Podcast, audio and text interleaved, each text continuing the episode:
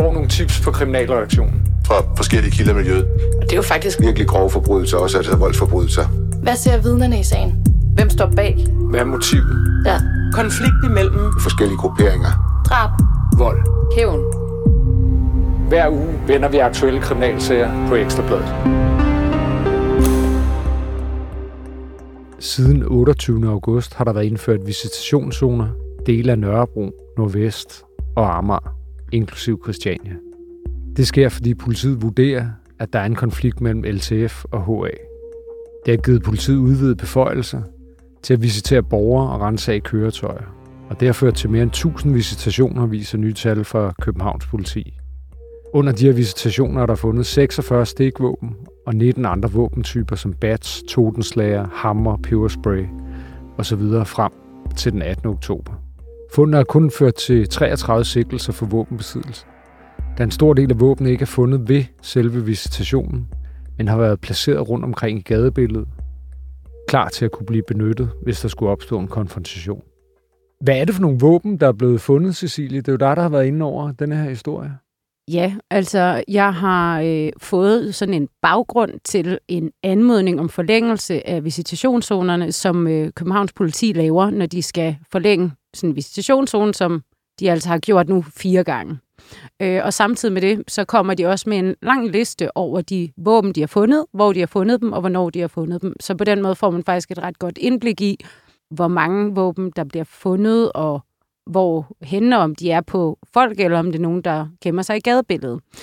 Og altså, i blandt de våben er der allerflest stikvåben, rigtig mange knive, der er også økser, der er pebersprays, der er tonenslager, bats og den slags, men, men altså ingen øh, pistoler er fundet i det her tidsrum.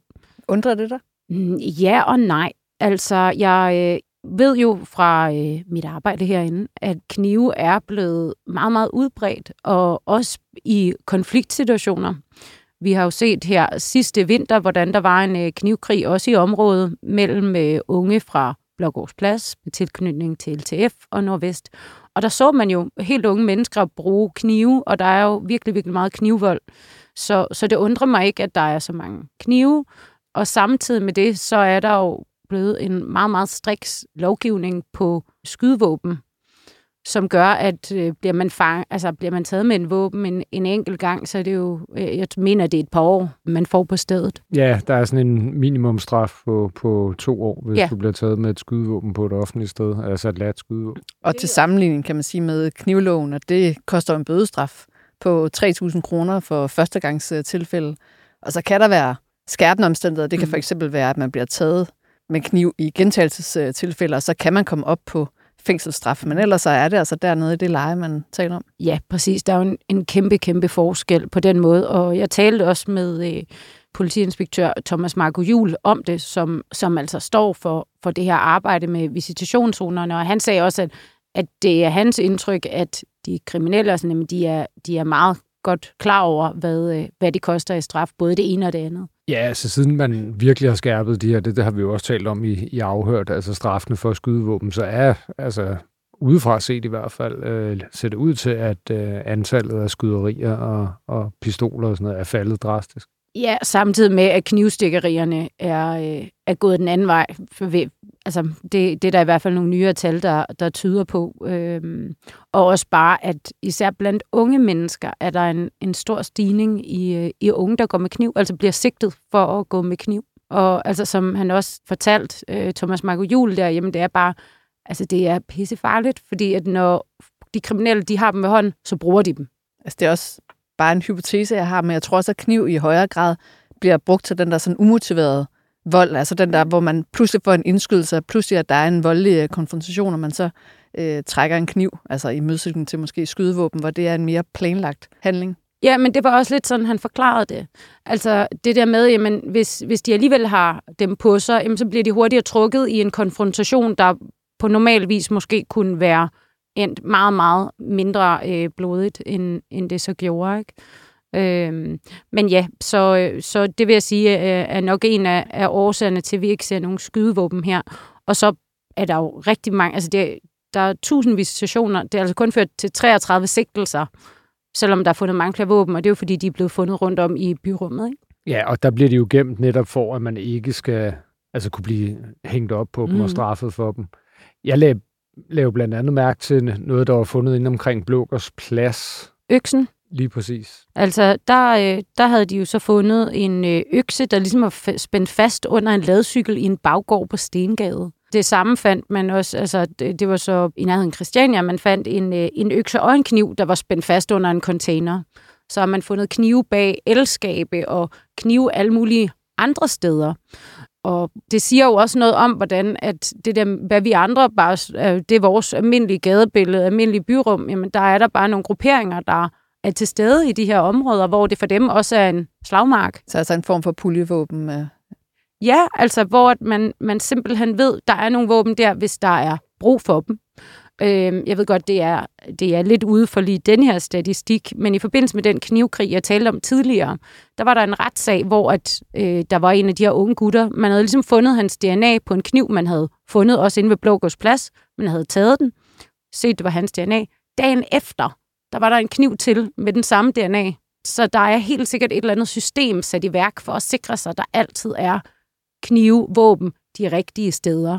Det kender man jo også fra tidligere bandekonflikter, øh, hvor det så primært var skydevåben, netop som med puljevåben, som du kalder det, hvor altså grupperingerne havde nogle, nogle våbenlager, altså stashet rundt omkring øh, i kælderrum og i alle mulige andre steder. Øh, jeg kan huske, at jeg hørte om noget, inden, altså, som var gravet ned inde i, i, i en offentlig park, som, som man kunne tilgå lynhurtigt, netop hvis der kom nogen. Altså kældre på Nørrebro har vi jo også set øh, masser af skydevåben, og det er jo også, altså det er jo i de her områder, hvor at både Loyal to Familie og Hells Angels, som er i konflikten lige nu, og det er jo det, der er årsagen til, at der overhovedet er de her visitationszoner, de færdes, og de har deres gang på Christiania, de har deres gang i Nørrebroparken. Nu tror jeg en del, som øh, følger med både her i Afhørt, men øh, Ekstrabladet.dk og alle mulige andre steder, de vil undre sig lidt over, at der stadig er sådan et konfliktscenarie mellem LTF mm. og HA, fordi det er jo længe siden, der egentlig har været reelt sammenstød mellem de her to grupperinger. Kan du sætte ord på det, Cecilie? Altså, øh, det, det forstår jeg jo egentlig godt, hvis man tænker, fordi at lige nu, det er stadig visitationszoner, det er jo ret voldsomt for alle. Altså nu har vi jo lige hørt, at der er tusind borgere, der er blevet visiteret. Altså det er jo alligevel på, altså på en eller anden måde grænseoverskridende, og det må de jo gøre i de her meget tæt befolkede områder, som sagt i, øh, på Nørrebro, Nordvest, Christiania og Amager. Øhm, og der er, altså det sidste anslag, som politiet vurderer er en del af konflikten, det var, da der var en eksplosion foran øh, Hells Angels Rockerborg på Svanevej tilbage i starten af september. Hvorfor de stadig mener, at der er en konflikt, og det er væsentligt, at der både er visitationszoner, og derudover er der også forbud i øh, mod at komme i de her rockerborg. Det vil politiet ikke komme konkret ind på. Men der står også i den her øh, baggrund for visitationszonerne, at jamen, politiet vurderer, at grupperingerne de arbejder og øh, planlægger hævnangreb. Altså det, det skriver de, og det er ud fra en eller anden systematisk øh, indsamling af informationer, som de aldrig vil sige noget nærmere om, hverken øh, nu eller eller øh, når de er i retten. Men, men altså, det bliver altid sådan lidt fluffy. Men det er jo sådan en blanding af kilder, aflytninger, registreringer, alle de her ting, som, som gør, at man, man vurderer, at, øh, at det stadigvæk er farligt i de her områder, hvis man ikke har de her visitationszoner. Og de mener vel så, at de her våben skal bruges i konflikt, eller i hvert fald nogle af dem? Ja, altså det, det skriver de også øh, her, at, øh, at de vurderer, at de skulle bruges til at, at udføre nogle af de her angreb. Men samtidig så øh, har jeg jo øh, talt med Thomas Mank som, som siger, at han kan ikke sige, hvor mange af dem af de her 33 sigtelser, eller hvor mange af øh, de våben, der er fundet rundt omkring, der skal bruges til det. Så præcis hvad deres øh, vidensgrundlag er, jamen det ved vi ikke. Altså man kan sige, vi har jo også nogle kildeoplysninger herinde, der er tydet på, at der i hvert fald har været nogle planer undervejs, som så ikke rigtig er blevet til så meget. Men, øh, men, men ja, vi må se, hvor lang tid at de kan blive ved på den her måde. Ikke? Og lige for at opsummere, så var det 1000 visitationer, som var foretaget i de her zoner, og man havde fundet 65 våben, som ikke var skydevåben. Ja, lige præcis. Men vi har jo også i den, øh, altså forgangne tid set mange knivstikkerier, øh, ja, både i København, men selvfølgelig også i øh, andre byer. Altså bare i den her weekend har der jo været adskillige øh, knivstikkerier. Ja, du har været på vagt, så du har jo egentlig altså, fulgt meget godt med i det, Linette. Hvad, hvad, hvad har der været? Ja, altså lørdag, der var jeg til grundlovsfører i retten på Frederiksberg, hvor der var en 19-årig, der blev fremstillet for et øh, knivstikkeri fra Nørrebro station, hvor han er sigtet øh, sammen med en jævnaldrende mand. Og det var en, øh, jeg mener, 38-årig Ja. mand, der blev øh, stukket øh, med, med kniv, øh, og, og jo altså var, øh, var svært, øh, svært tilret. Man kan se på billeder derudefra, altså at trappestenen var tilsølet øh, i, blod, i blod, men, øh, men han øh, slap så altså med, med livet i behold. Ja, og det er altså ikke mere end et par uger siden, at der var en 15-årig, der blev stukket ned, også på Nørrebro station. Og det kan vi sige, det, det her, det er jo i, øh, i lige præcis de her visitationszoner. Så det har jo ikke betydet, at knivvolden er stoppet. Øh, og bare mens jeg sad og skrev den her artikel, altså om de her visitationszoner, men så skrev jeg jo også bare en lille note om, hvor mange knivstikkerier, der havde været i områderne. Og for hver dag, der ligesom gik med at blive færdig med den, så kom der lige et nyt til, som jeg lige skulle tage stilling til. Og det er jo bare altså pur unge mennesker, der øh, i langt de fleste tilfælde både er ofre og gerningsmænd. Ja, til den statistik, der var der jo faktisk også endnu en episode lørdag aften, hvor der var en 15-årig dreng, der blev stukket en enkelt gang i, øh, ja, i Indre By, øh, hvor han også blev beskrevet som svært til skadekommen, men, øh, men stabil. Og søndag aften var der så en øh, 33-årig mand, der blev stukket flere gange øh, på Nørrebro, og han var så også øh, svært til skadekommen, øh, men, men altså uden for livsfare. Mm. Og det er jo det, som vi også har talt om tidligere med de her knivstikkerier, at øh, grænsen for, altså hvornår man øh, dør af det, den er jo hårfin. Fuldstændig. Og jeg vil sige, at mange af de sager, at øh, jeg har siddet og kigget på, altså det er ikke gerningsmanden skyld, at offeret er overlevet. Altså, man så blandt andet den, der, den episode, der startede knivkrigen, øh, som, som vi har kaldt den der sidste, øh, sidste vinter. Altså, de blev stukket utallige gange offrene og mistede øh, del af lever og mildt og så videre, men, men overlevede så ikke. Og på den anden side, så så vi jo den episode her sidste vinter ude i Tostrup, hvor at det også var teenager i klammeri. Der var altså to unge mænd øh, på 17 og 18 år, de blev stukket én gang hver og mistede livet.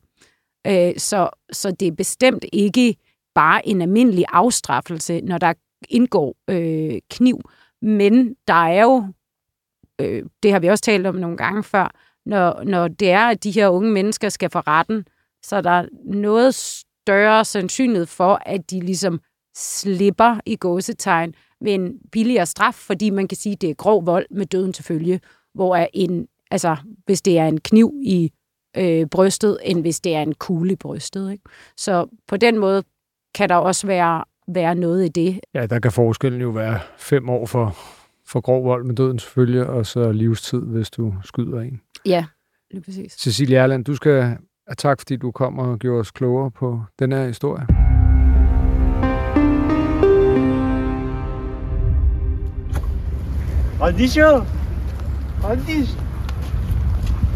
Det her er lyden af 17-årige Fahad Tober, der bliver genforenet med sin familie i Kiel.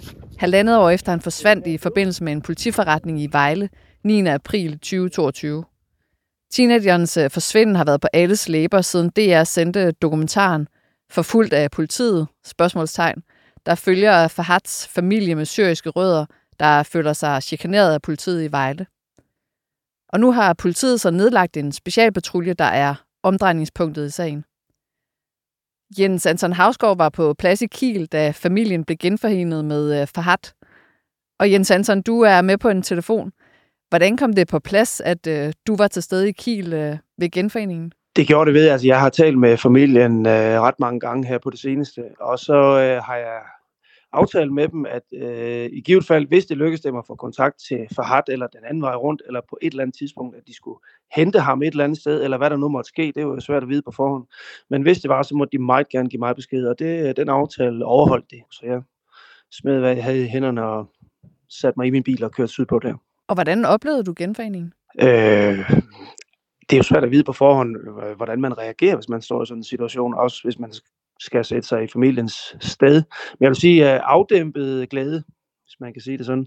Altså, det skal lige med, at da jeg kommer derned, øh, netop fordi familien er kørt, da jeg kører derned, så jeg kommer lidt senere, der har Fahad mødt sine tre onkler og sin mor. Da jeg så kommer derned, der venter de på resten af familien, og det er altså hans seks søskende. Øh, tre brødre øh, og, øh, og tre søstre. Og dem venter de på kommer fra Danmark. Og der venter vi en times tid et sted i øh, Kiel, ude ved Kielerkanal, og så kommer øh, familien der. Og det er så den genforening, jeg øh, er nærmest øh, vidne til, sammen med en del andre af familien der. Øh, og der, der vil jeg, jeg vil sige, øh, afdæmpet glæde, de var... Jeg ved ikke, hvordan man reagerer, når man ikke har set den anden i halvanden år, hvis, hvis man ikke har det. Men, øh, men afdæmpet glæde, det, det er vist øh, det rette ord. Nu siger du, hvis de ikke har været i kontakt med Farhat. Men mens vi har stået her, så er det faktisk kommet frem i Vejlams Folkeblad, at øh, familien løbende har været i kontakt med Farhat under hele denne her forsvindingssag. Sydøstjyllands politi modtog øh, ifølge deres kommunikationsafdeling den 26. april 2022 oplysninger om, at Farhat Tober blev holdt skjult på en ukendt adresse, og moren havde kontakt øh, til ham. Altså det her forsvindingsnummer skulle øh, angiveligt skyldes, at øh, familien var bange for, at øh, 16-årige Fahad Tober ville blive tvangsfjernet øh, af kommunen. Men Jens Hansen, kan du altså kort skitsere nogle af de her, øh, altså sagen og hvordan den begynder, og hvad den egentlig handler om? Det kan jeg godt. Altså, det, er, det er jo en lang historie, men vi skal bare lige skære den helt til benet. Så i hvert fald ifølge familien begynder det ved, at en af onklerne til Fahad, han hedder Adnan, han er frisør i Vejle. Han er til en øh, afhøring, han bliver hentet til en afhøring i en skattesag. Og det handler om noget tobak til en øh, vandpipecafé, som politiet mener, at der er ejerskab i familien, øh, hvad de så nægter. Men i hvert fald er han til afhøring om det her. Og øh, der hævder han selv, at øh, de brækker arm på under afhøringen om natten. Altså det er i sig selv øh, lidt øh, særligt, at man øh, har en mand til afhøring ind i skattesag om natten. Det tror jeg ikke, jeg har hørt om før. Men, men, øh, det, men altså, det er jo muligt, Nej. at der ligger andre ting. Vi er lidt hæmmet af, at Sydøstjyllands politi ikke ligefrem har øh, øh, ruttet med oplysninger. Øh, og det er også muligt, at de ikke mener, at de har kunnet det. Men, men øh, derfor har vi meget fra øh, familiens side. Vi forsøger selvfølgelig hele tiden at få det bekræftet, eller det modsatte hos politiet, men, men det er meget vanskeligt at komme igennem øh, lige nu. Ja, noget af det, man jo faktisk ikke aner, er, hvorfor politiet jo så gentagende gange kommer ud hos familien. Altså, hvad det er, der er grunden til det. Ja, og, ja, og det er nemlig i forlængelse af det her, fordi det her det er helt tilbage i 2020, altså for over tre år siden, den her afhøring. Siden da er de rigtig mange gange mødt op på privaten, og familien siger selv, at de bliver, øh, mange medlemmer af familien bliver, også mosteren og sådan noget, de bliver stoppet ned i byen, siger de, at, at, det, at den her civile patrulje, altså specialpatruljen, som noget, der ligner en, en uropatrulje vel i København, hvis det var, øh, nogle civile betjente, og de bliver stoppet, og de siger, at de tjekker deres bil, de finder ligesom, det er familiens forklaring, at de hele tiden føler, at de, familien chikanerer dem ved, at de hele tiden finder, så siger de, at der er noget galt med din bil, vi skal tjekke din bil, og altså hele tiden, de føler, at de bliver forfulgt. Øh, og, det, og, og der har så kørt en hel masse politiforretninger, der hvor der også er klager til øh, det, der hedder den uafhængige politiklagemyndighed. Der er retssager, der er retssager, der kører netop nu om øh, overtrædelse af øh, politivedtægten mod nogle af onklerne. Indtil videre har de ikke øh, nogen øh, straf. Men jeg, jeg synes, jeg hørte et tal altså, florere omkring 100 politiforretninger altså i, mod familien her, eller altså rettet mod familien. Er, er det helt skævt? Nej, det er ikke helt skævt. Øh, igen er vi hæmmet af, at politiet siger simpelthen nærmest øh, ingenting. Hvis man, man vil gerne have dem i tale, men, men de holder det ligesom for sig. Om, om det handler om noget helt andet, det vil vi jo gerne vide. Øh, øh, familien siger, at det handler ikke om noget som helst andet, end at de bare chikanerer dem. Det er muligt, at politiet har en anden opfattelse, men øh, eftersom de ikke har åbnet munden om det, så, så er det jo svært at vide. Men det er rigtigt, det har været utrolig mange politiforretninger mod den samme gruppe mennesker øh, som altså indtil videre i hvert fald ikke har øh, en straffetest, der er pletter på. Og søndag eftermiddag sendte, sen eftermiddag sendte Sydøstjyllands politi så en presmeddelelse ud om, at øh, de nedlægger øh, netop specialpatruljen. Hvad, hvad tror du ligger i det?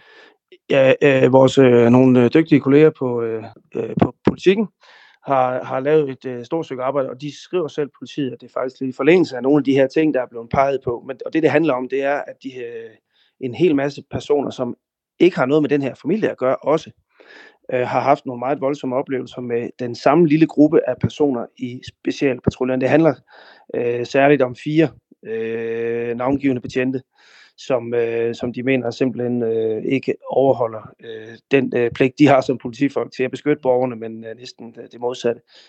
Øh, der har dokumenteret en hel del videoer og sådan noget. Der skal vi så huske, at vi har jo ikke øh, hele øh, videostrimler, øh, hvor man har et helt forløb. Det har vi ikke. Men alle de ting, der er lagt frem, gør, at øh, politiet søndag eftermiddag øh, valgte simpelthen at nedlægge den her patrulje, og at de her betjente, de vil få andre øh, opgaver i øh, kredsen.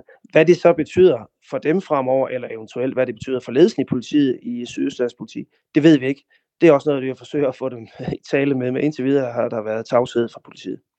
Men altså, som jeg husker dokumentaren, så sagde politiet i, øh, i den, at øh, de ikke så, at der var noget som helst problem. Og i pressemeddelelsen, så siger de jo så, at øh, de mener, at der er rokket ved tilliden til specialpatruljen. Altså, jeg fristes til at spørge, altså, er det her ikke noget, som de burde have handlet på tidligere? Jo, det skulle man jo mene. Nu kommer der så øh, endnu flere frem, og det er så nok det, der har gjort der lige øh, det der berømte øh, dråbe i badet, der får det til at, at, at løbe over. For indtil videre, så har det faktisk handlet fortrinsvis om den her familie, og at der har været en bøf mellem dem, sådan for alvor, imellem betjentene og så den her syriske familie.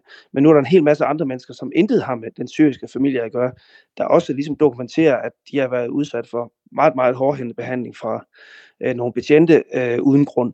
Og det har så nok gjort, at nu øh, går den ikke længere, så nu bliver den altså øh, nedlagt. Hvad det så betyder ledelsesmæssigt efterfølgende, for man kunne forestille sig, at det måske får nogle andre konsekvenser også, det, det er jo det, vi venter på at se. Hvad gør Fahad og hans øh, familie så nu? Lige nu har de jo øh, så øh, søgt asyl, eller det vil sige, det har jeg jo ikke set på skrift, men jeg har jo set, at de gik ind på det her asylcenter, for jeg var med dem i Tyskland, øh, hvor de så, øh, det var der sidste onsdag, hvor de bliver efter genforeningen i Kiel, tager de op på en, den nærmeste politistation i Kiel og søger, eller beder om at få asyl, øh, hvilket jo er fuldstændig uden fortilfælde, at man kommer fra et sikkert land og så forsøger at få asyl i et andet sikkert land. Men øh, anyway, der er nogle teknikaliteter, der gør, at de bliver henvist til et andet sted længere nede sydpå, og de øh, havner så den onsdag aften øh, sammen med resten af familien øh, på det her Røde Kors asylcenter nord for Hamburg i en lille landsby. Og der bliver de skrevet ind øh, og går derind. Øh, og siden har jeg jo ikke set dem. Øh, familien, resten af familien tager også, også hjem igen, men deres øh, sigte er at søge asyl, der siger familien. Øh, og, og de, som går der ind, det er Fahad og hans øh, øh, seks søskende, og så deres mor, så det vil sige syv børn, og, øh, og deres mor vil søge asyl. Og deres årsag er til at søge asyl, eller deres øh, grund til det, det er, at de siger, at de føler sig forfulgt i Danmark. Men, men det er altså helt uden fortilfælde, at der kommer nogen, fra øh, Danmark eksempelvis, og så vil søge asyl i Tyskland, fordi begge lande er jo såkaldt sikre lande. Der er så også noget andet i det, nemlig at noget, der hedder Dublin-forordningen, der faktisk siger, at man ikke må lave det, der hedder asylshopping. Man må ikke søge asyl i flere lande inden for EU. Øh, og hvordan øh, det kommer til at forløbe, det ved vi ikke, men jeg går ud fra, at de tyske myndigheder, hvis de har søgt asyl, afgivet fingeraftryk og det her, så må man gå ud fra, at de tyske myndigheder har pligt til i hvert fald at undersøge det, og så er det da muligt, at de bliver sendt tilbage, eller noget andet det må tiden vise.